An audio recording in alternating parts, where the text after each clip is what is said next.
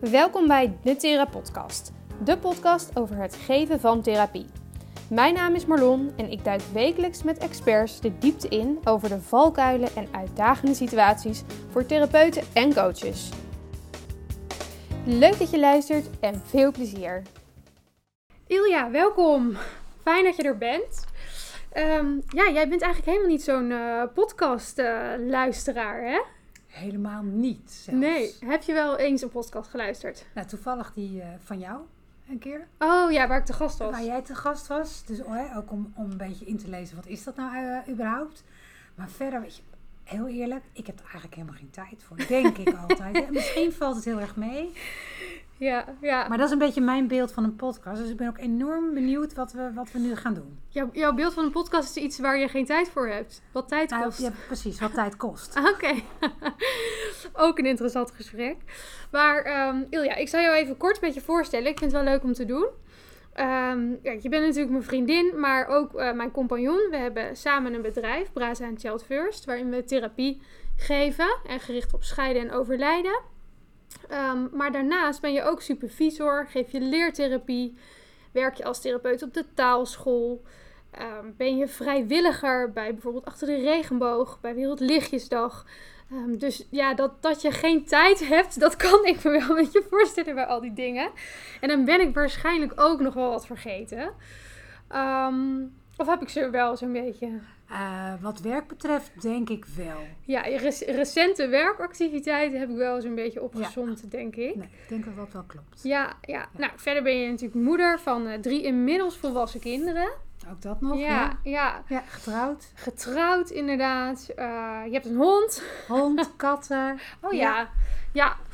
Ja, ja een beestenbende, inderdaad. Um, maar ik heb jou natuurlijk uitgenodigd in deze podcast en we kunnen al wel een klein beetje verklappen, denk ik, dat je wat vaker terug gaat komen. Uh, ja, als gewoon super ervaren therapeut. Uh, ik um, ben natuurlijk nog beginnend therapeut en heel blij dat ik bij jou in de praktijk werk, want ik leer gewoon heel veel van jou. Maar ook in mijn leertherapietraject en in de supervisie wat ik volg met een groepje, um, leer ik heel veel van jou. En daarin denk ik dat jij heel veel mensen wat kan leren. Dus um, ja, ik, of je nou wil of niet, je, je, komt gewoon nog vaker terug. dat is eigenlijk een beetje. Nou, laten we het dan maar leuk maken. Ja, laten we het dan maar leuk maken. Hey, en uh, wij kletsen altijd lekker weg. Ja. En het leek mij leuk om deze eerste podcast te beginnen uh, met het onderwerp: hoe hou ik het droog? Ja. Want uh, ja, ik weet niet hoe dat bij jou is, maar op de gemiddelde verjaardag, als ik vertel wat voor werk ik doe en dat ik werk met overlijden en scheiding, dan zeggen mensen jeetje, wat heftig. Nou, het lijkt me zo heftig. En uh, vorige week toevallig solliciteerde iemand hier. En die had de opmerking gekregen uh, van haar omgeving van... zou je daar wel willen werken? Want word je dan niet heel erg verdrietig? En uh, ja, inmiddels moet ik wel lachen om die opmerkingen. Want ik heb ze zo vaak gehoord. Maar dat is wel een beetje het beeld wat, wat mensen en leken hebben van, van ons werk. Denk ik dat we alleen maar zitten te huilen en, uh, en onze cliënten alleen maar huilen en dat het heel zwaar is. Ja, ik denk, ik denk dat dat klopt. En ik denk ook dat het voor een deel waar is. Hè, met name uh, cliënten die wij hebben, die hebben toch te maken met veel met verlies. Nou ja, dat is inderdaad niet het, het meest uh, enthousiaste onderwerp. maar goed, wat ik ook zeg, er wordt ook gewoon vooral heel veel gelachen. Ja. Weet je, ik ben ervan overtuigd dat uh, het moment dat mensen de telefoon pakken, dat ze al zo ver zijn uh, dat ze zeggen: ik, ik kan het niet meer alleen. Ik heb hulp nodig. En vanaf dat moment kan je eigenlijk alleen maar omhoog. Ja. Weet je, dus het is niet zo dat, dat er hier niet gehuild wordt. Tuurlijk. Ja, en dat mag ook zeker. Uh, maar aan de andere kant ook. En ik denk, het is vaak, vaak de eerste keer dat mensen eerst, voor het eerst hun verhaal doen. Um, dat is eigenlijk wel het moment dat de, de zakdoeken ook op tafel staan. En dat die ook wel gebruikt worden. Maar daarna zal je merken, dan wordt het eigenlijk al snel steeds minder. Ook omdat we ja, steeds meer gewend raken aan het verhaal. Het steeds meer normaliseren. En het hoeft ook niet. Het mag. Het hoeft niet. Ja. ja. ja maar mensen schrikken er vaak van de eerste keer dat ze hardop hun verhaal vertellen. Ja, dan komt het veel meer over. Ja, ja, dat klopt. Dat herken ik wel inderdaad. Dat bij de kennismaking, dan, dan wordt er eigenlijk altijd wel gehuild. Um, ja, hard of, of niet, of een traan. Maar er wordt altijd wel, uh, er is altijd emotie. En inderdaad, in de gesprekken daarna is dat al, uh, is het heel anders. Ja. Ja, maar heb je dan medelijden met je cliënt? Want dat vind ik dan meteen wel mooi, hè?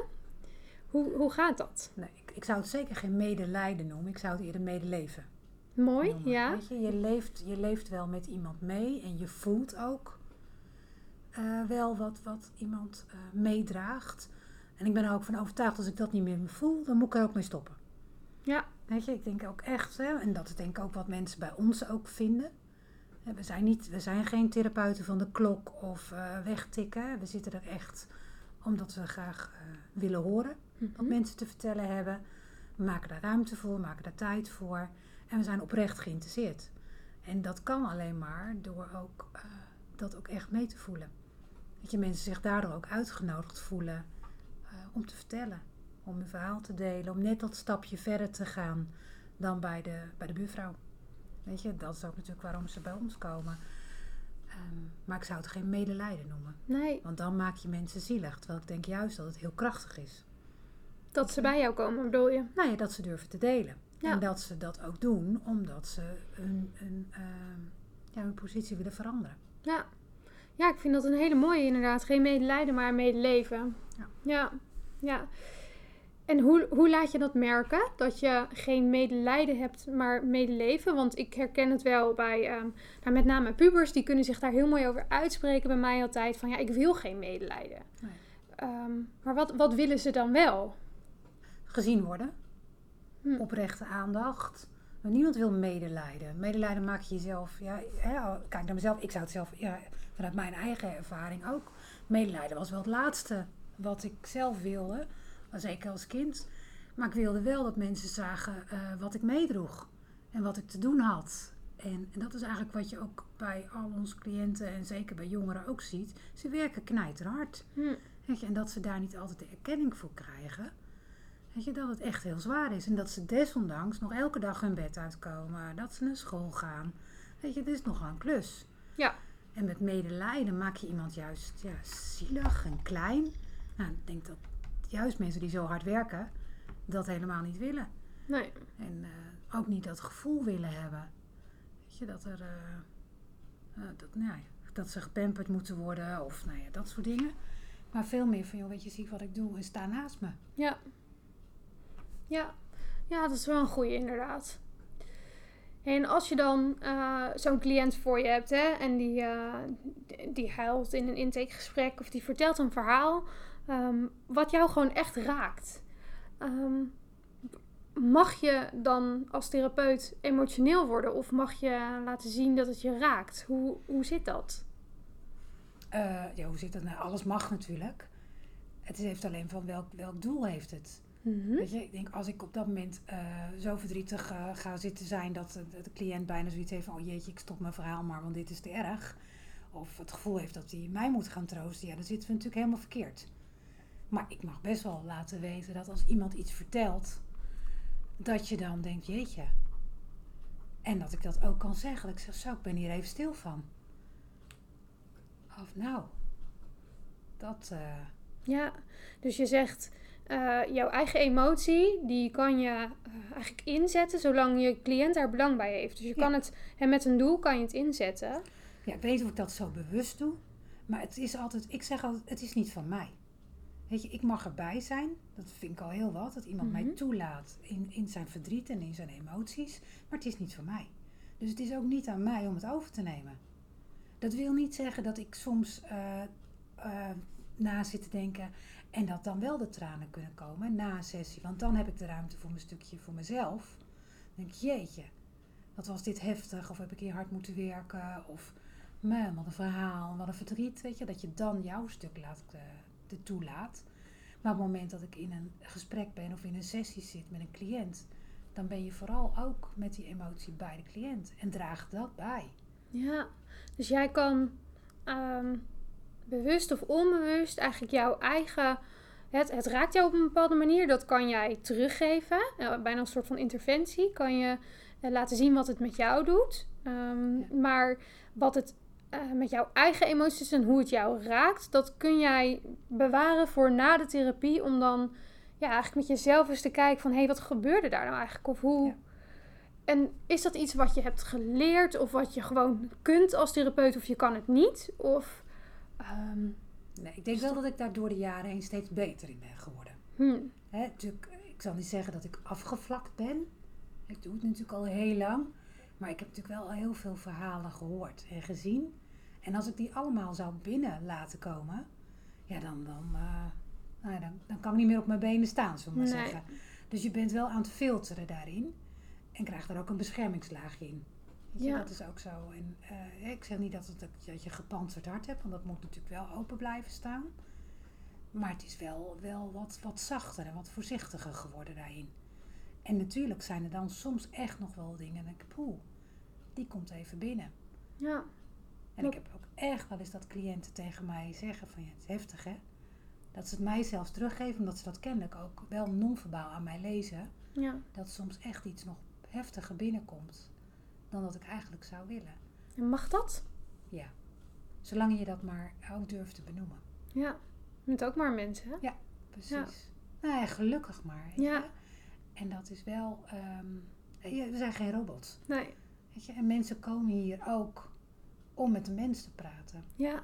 Weet je, dat, is, Ja. ja. mensen komen inderdaad hier met de mensen praten. En wat ik zelf nog wel eens denk, is dat het voor cliënten is het soms ook helpend om te zien ehm, wat zoiets met jou als mens doet. Hè. Soms kunnen ze zelf zo ver afstaan van eh, het gevoel dat er echt bij hoort, als ze een heel heftig verhaal hebben. En zij kunnen dat soms vertellen zonder emotie, alsof het niet over zichzelf gaat. En dat ze dan bij jou kunnen zien van, hé, hey, maar wacht eens, wat ik vertel, dat is heel erg. En dat mag ook erg zijn. En daar mag ik eh, verdrietig om zijn. Ik hoef dat niet zo van me af te zetten. Of ik hoef het niet te vertellen alsof het niks is. Want het is niet niks.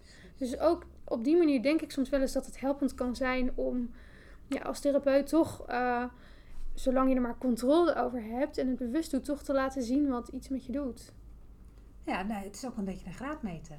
Ja, Weet je, dat is natuurlijk ook van waar, waar zit je ongeveer. Hè? Soms vinden mensen ook echt wel van, god, moet ik hier nou wel echt mee naar een therapie? Of stel ik me niet aan? Ja. Of eh, past het wel? Je, dus ook om het daar een beetje langs de meetlat te leggen. Van Ja. hoe reageert mijn omgeving daarop? Weet je, iedereen heeft ook een manier van vertellen. Soms is jouw eigen verhaal, daar heb je al een ja, soort makkelijk verhaaltje van gemaakt. Dus als iemand vraagt hoe is het met je, nou dan vertel ik elke keer dat verhaal. Dat kan ik vertellen zonder emotie, want dan kan ik daarna weer gewoon mijn boodschappen doen. ja, Weet je, het wordt ook een beetje standaard, waardoor je ook steeds verder wegraakt soms van het werkelijke verhaal. En hier in therapie vragen we toch vaak naar de vraag onder de vraag. mhm, Weet je, waardoor je net even op een ander laagje raakt, waardoor die ineens weer wel binnenkomt. Ja. Mensen zijn daar soms ook echt wel eventjes weer van slag van, omdat ze dat stukje ook vaak weer even kwijt zijn. ja, Weet je, en dan kan de reactie daarop ook weer zo heftig zijn, dat hij ook bij de therapeut weer binnenkomt van, oeh, dat was dus een pittige vraag. Had ik dat wel mogen doen? Was dit wel het juiste moment? Waardoor je zelf ook soms eventjes weer moet zoeken en met elkaar moet afstemmen. Eh, zitten we op de goede weg? ja, Hè, Of moet ik een stapje achteruit? Of kan ik verder doorvragen? Dus ook daarin is ook je eigen emotie en even voelen weer heel erg belangrijk om weer die verbinding te maken en af te stemmen met elkaar. ja. Kunnen we zo verder? Ja, want hoe doe je dat? Met je cliënt voelen, zitten we op de goede weg en, en dat afstemmen? Hoe doe je dat? Ja, door dat ook echt wel te vragen. Wat Ja. gebeurt er nu? Weet je? eh, Of zeg, nou, wat ik zeg, hè, van soms ben ik er echt even stil van. Of eh, nou, ik weet even niet wat ik zeggen moet. Of we laten gewoon inderdaad bewust even een stilte vallen. Mhm. Of kijken elkaar even aan. Weet je, dus dat zijn wel eventjes van die afstemmingsmomentjes om even met elkaar te kijken van hé, waar, waar gaan we, staan we nu? Ja, En kunnen we ook weer verder? die zoek je heel bewust op eigenlijk, die momentjes. Ja. Ja, ik heb niet een lijstje voor me liggen met vragen die je afvuurt. Weet je, het is, ja, het is, het is een wisselwerking. Weet je, Ja. Waarin de cliënt bepaalt eh, het tempo. Ja. Ja. Hoe hard we mogen gaan daarin. ja. Ja, en dan hadden we het net over hè, dat je dingen eh, kan inzetten zolang je er maar controle over hebt. Dus ook emoties van jezelf als therapeut zijn goed zolang je er controle over hebt. En wat nou als je er geen controle over hebt? Wat als je dat merkt? Ja, vind ik heel lastig om er antwoord op te geven, omdat ik dat niet ken. Mhm. En ik zeg niet dat ik er controle over heb. Ik ben me heel erg bewust dat ik er zit ten dienste van de ander. Ja. Hè, en dat ik, eh, en soms is dat misschien ook wel wel lastig, omdat ik dat misschien ook in vriendschappen ondertussen doe. Weet je, dus dat meevoelen ehm, is altijd in dienst van de ander. Mhm. Weet je, en nooit eh, voor mijzelf. Terwijl je, hè, waarin je toch ziet, we zitten niet in een gelijkwaardige eh, relatie. Nee. De cliënt is de klant en ik ben de professional. Dus in die verhouding zitten we daar ook. Ja. Dus dat is ook bijna aangeleerd om dat ehm, ook altijd zo in te zetten. Ja. Dus ik kan me het moment dat je die controle verliest, in ieder geval in eh, emotie verdriet, niet zo goed voorstellen. Ik kan me het wel beter voorstellen bij boosheid bijvoorbeeld. Mhm. Weet je, het is natuurlijk soms dat cliënten wel heel erg over je grenzen kunnen gaan. En bijvoorbeeld bij scheidingszaken, we hebben Ja. natuurlijk ook echt wat te maken met wat ingewikkelde scheidingszaken, waar mensen eh, soms echt ook heel naar, naar tegen elkaar kunnen doen. Ja. En, En waarbij- tegen ons ook, hè? En ook tegen ons, Ja. absoluut. Ja. En dan merk ik dat ik het soms inderdaad eh, ja, niet zo snel persoonlijk maak, maar wel veel duidelijker kan aangeven: hé, hey, maar nu ga je over mijn grens heen. Tot hier en niet verder. Ja. En dat ik achteraf dan wel eens kan denken: oeh, ging ik er niet te snel in? Was het niet te hard? Of, ehm, maar ook daarin denk ik: ja, je kunt het altijd benoemen. Ja. Ja. Maar ga je er dan, stel je op dat moment, besef jij, hé, hey, ik ben er te hard in gegaan of eh, ik heb eh, misschien iets te snel gereageerd. Ehm, komt dat eh, doordat iets jou raakt op een bepaalde manier? Of ehm, heeft dat met iets anders te maken dat je dat doet? Ja, ook, ook meestal is het wel functioneel.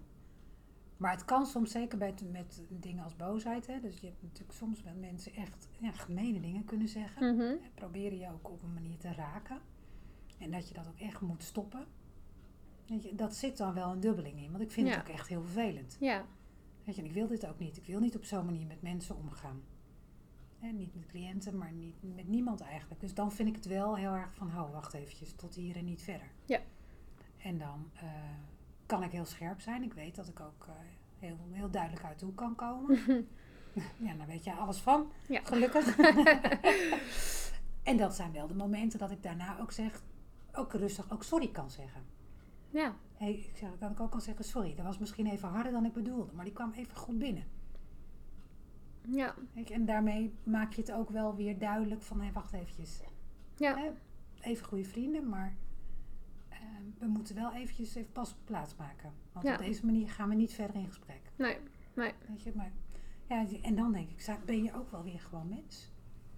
Ja, ja, komt hij toch weer terug ook, maar dan ook ben je gewoon mens inderdaad. Ja. Ja.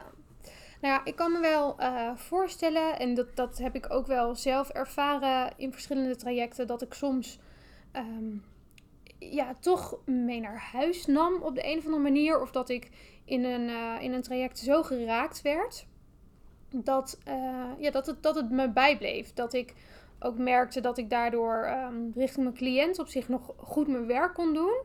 Maar dat het misschien wel beter zou kunnen. Of eh, dat ik er in ieder geval niet s'avonds van wakker hoef te liggen. Ehm, en zou je in zo'n geval dan kunnen stellen dat het eigenlijk altijd iets zegt over jouzelf? Maar heb je het dan over het verhaal van de cliënt of de manier waarop het traject is gegaan? Ehm, ja, bij beide. In beide gevallen heb ik het wel eens gehad. Als we het bijvoorbeeld hebben over boosheid, dan is het vooral hoe het traject is gegaan. Of hoe Mhm. een cliënt heeft gereageerd. Eh, met name is dat nu natuurlijk met scheidingszaken gewoon vaak het geval met boze ouders. Ehm, maar eh, als ik kijk naar een, eh, een cliënt waarbij een ouder was overleden, dat ik me, of bij meerdere cliënten eigenlijk wel, dat ik me soms zo geraakt kan voelen door hun verdriet. Dat als iemand echt soms een keer instort en dat, dat ze aangeven van ik, ik zie het gewoon niet zitten, ik voel me zo eenzaam en dat ik, dan kan ik dat verdriet echt wel gewoon voelen in mijn hart gewoon. Dan, eh, en dan, dat zijn ook wel eens de momenten dat ik zelf gewoon, dan, dan voel ik wel dat ik echt emotioneel word en ik ga niet huilen. Ik heb er nog, in die zin hè, komen we op dat controleachtige verhaal, maar ik heb er nog wel controle over. Maar dat is wel zo'n moment dat ik daarna altijd even, even moet ademhalen. Zo'n dat was heftig moment. Ehm, maar ik heb nog wel eens dat ik dan s'avonds in bed lig en dat ik er toch over blijf nadenken. En is dat dan altijd dat het iets zegt over mij? Is dat iets waar ik mee aan de slag moet? In bijvoorbeeld een supervisie of een leertherapie? Ehm, of is dat ook gewoon oké en hoort dat er soms bij? Ja. Nou, ik, ik denk dat het sowieso altijd oké is. Hè, want het zegt heel veel over, over jou als mens. Mhm. Denk dat, en, en sommige zaken houden je ook echt gewoon bezig. En sommige verhalen zijn dusdanig verdrietig en heftig dat je echt even van je padje bent. Ik werk natuurlijk met name met, met, eh, met kinderen met vlucht- en oorlogservaring. Ja, weet je, dat gaat je niet in je koude kleren zitten. Nee. Als je hoort wat kinderen meemaken, dat je denkt, dit, dit, dit horen kinderen niet mee te maken. Nee. Maar het gebeurt wel. En ja, daar ben ik ook van slag van. Weet je, en eh, dat, dat maakt je, denk ik, gewoon een heel goed mens. Weet je, als je dat ziet, dat dat niet klopt. En dat je daarmee bezig bent en dat het je wakker houdt. En dat je nadenkt, jeetje, hoe moet dit anders? En wat kan ik daarin doen? Mhm. En soms ook realiseren dat je er niks aan kan doen. Hè, Dat het hun werkelijkheid is. En dat we alleen maar kunnen kijken in het hier en nu. En hoe kunnen we kijken hoe we de toekomst kunnen verbeteren. Hè, Het verleden kunnen we niet veranderen. Op het moment dat je merkt dat veel van dit soort trajecten jou belemmeren in je werk. Ja, dan is het een moment om te zeggen van hé, maar nou moet ik een stap maken naar supervisie of eh, intervisie. Ook om die slag te maken, zodat je wel verder kunt blijven gaan. Ja. Dus je zegt, als het jou belemmert in je werk, dan zou ik een, een stap zetten richting een supervisor of, eh, of intervisie of iets in die trant. Maar wat nou als het me belemmert in mijn privé situatie? Dus ik kan niet één of twee nachten wat minder goed slapen, maar ik lig echt wekenlang wakker en eh, eh, het, het- gaat gewoon echt niet goed. Nee, maar ook dan. Weet je, dan moet je absoluut aan de bel trekken. Weet je, want dan gaat het net een stapje verder. Ja. Ja, want dan krijg je bijna een traumatisering van de therapeut op basis van de verhalen. Mhm. Weet je, en, en dat gebeurt natuurlijk. Ja. Weet je, en daar is die zelfzorg is een van de belangrijkste dingen voor een therapeut. Om Ja. altijd goed te zo- zorgen voor jezelf. Ja. Weet je, dat zeggen we tegen ouders, maar dat is voor de professional natuurlijk net zo goed. Ja. Ja, dat is je, absoluut dus die onderhoudsbeurten eh, hebben we allemaal nodig. En nogmaals, je bent gewoon een mens. Ja. Dus, Ja, eh, gelukkig wel. ja. Hey, en- wat doe jij om goed voor jezelf te zorgen? Nou ja, ook inderdaad regelmatig inderdaad probeer- praten met collega's. Ik ben wel heel veel bezig met, altijd met studies. Ik ben eeuwig en altijd nog bezig om meer te verdiepen, nog meer te weten, eh, daar te kijken. Ik probeer toch ook gewoon best wel veel tijd voor mezelf te maken. Maar ook af en toe gewoon eens even heerlijk Netflixen. Maar weet je, gewoon even uit. Ja. Even niet bezig zijn. eh, gewoon even de knop om. Ja. Vakanties. Heel Ja. belangrijk. ja. Oké, ja, dus je hebt, eh, je hebt inderdaad wat dingen voor jezelf, tijd voor jezelf maken, vakanties, Netflixen. Dan heb je ook een soort van bepaalde gouden regel voor jezelf. Dat je ehm, iets wat je absoluut niet doet of absoluut wel moet doen. Of eh, een soort van iets waarbij je merkt, oké, dit is mijn grens. Heb je daar iets? Ja, daar ben ik heel slecht in, hè? want daar ben ik echt verschrikkelijk slecht voorbeeld. Want ik vind wel dat het moet. Ik vertel het ook tegen anderen. Practice what you preach. Ja, oh, en, nou goed, want ik, want ik kan erover liegen, maar iedereen die mij kent weet gewoon dat dat dan ga je echt door niet waar is. door de mand vallen. Dan val ik enorm door de man, want ik werk gewoon veel te veel en ik doe veel te veel zaken op één dag. Mhm. Hè, want ik vind eigenlijk echt dat er tussen elke sessie een bepaalde tijd moet zitten om het even los te maken. Ja. En dat zou ik gewoon echt veel meer moeten doen. Ik heb al een eeuwigheid in mijn portemonnee een dingetje zitten om, eh, om hier onze praktijk te reinigen. Wat ik ooit van een medicijnman heb gekregen. Oh, in die- Suriname Ja, had je dit gekregen, ja. Die mij ook had gezegd dat ik daar wei- veel te weinig tijd... En ik heb dat zelf, dat heb ik nog niet gedaan. Nou, en ik heb jou eh, meer dan een jaar geleden opgehaald van het vliegveld vanuit Suriname. Precies. Ja, dus echt, joh, ik schaam me diep. Maar weet je, dus... eh, ik, ik, dat, dat zelfzorg is echt heel belangrijk. Ja, En, maar ik ben daar zelf heel slecht in. ja. Dat is echt waar. Terwijl ik... eh, en stom, hè? Want dat... eh, ja grappig, want daar, daarin zeg jij altijd van dat je er vindt dat ik daar zo goed in ben. En daar ben ik dus ook echt jaloers op. Hè? Mensen die goed die grenzen kunnen stellen. Ze kunnen zeggen van nou tot hier en niet verder. Nu gaat mijn telefoon uit. Eh, Ja. Ik had inderdaad ook echt al een tweede telefoon besteld. Die heb ik ook net zo makkelijk weer aan mijn zoon gegeven voor tijdelijk. dat wist ik ook nog niet. Nee, dus dat, weet je, dus dat zijn van die... Ik heb allemaal plannen. En ik zet mezelf altijd op de tweede plaats. Dus dat is Ja. een hele slechte eigenschap voor een therapeut. Ja, is wel een interessante. Ja, zeker, zeker. Ja. Weet je, dus oh, man, dan kunnen we nog thema's over eh rond gooien. maar dat... eh en aan de andere, andere kant is het ook mijn kracht.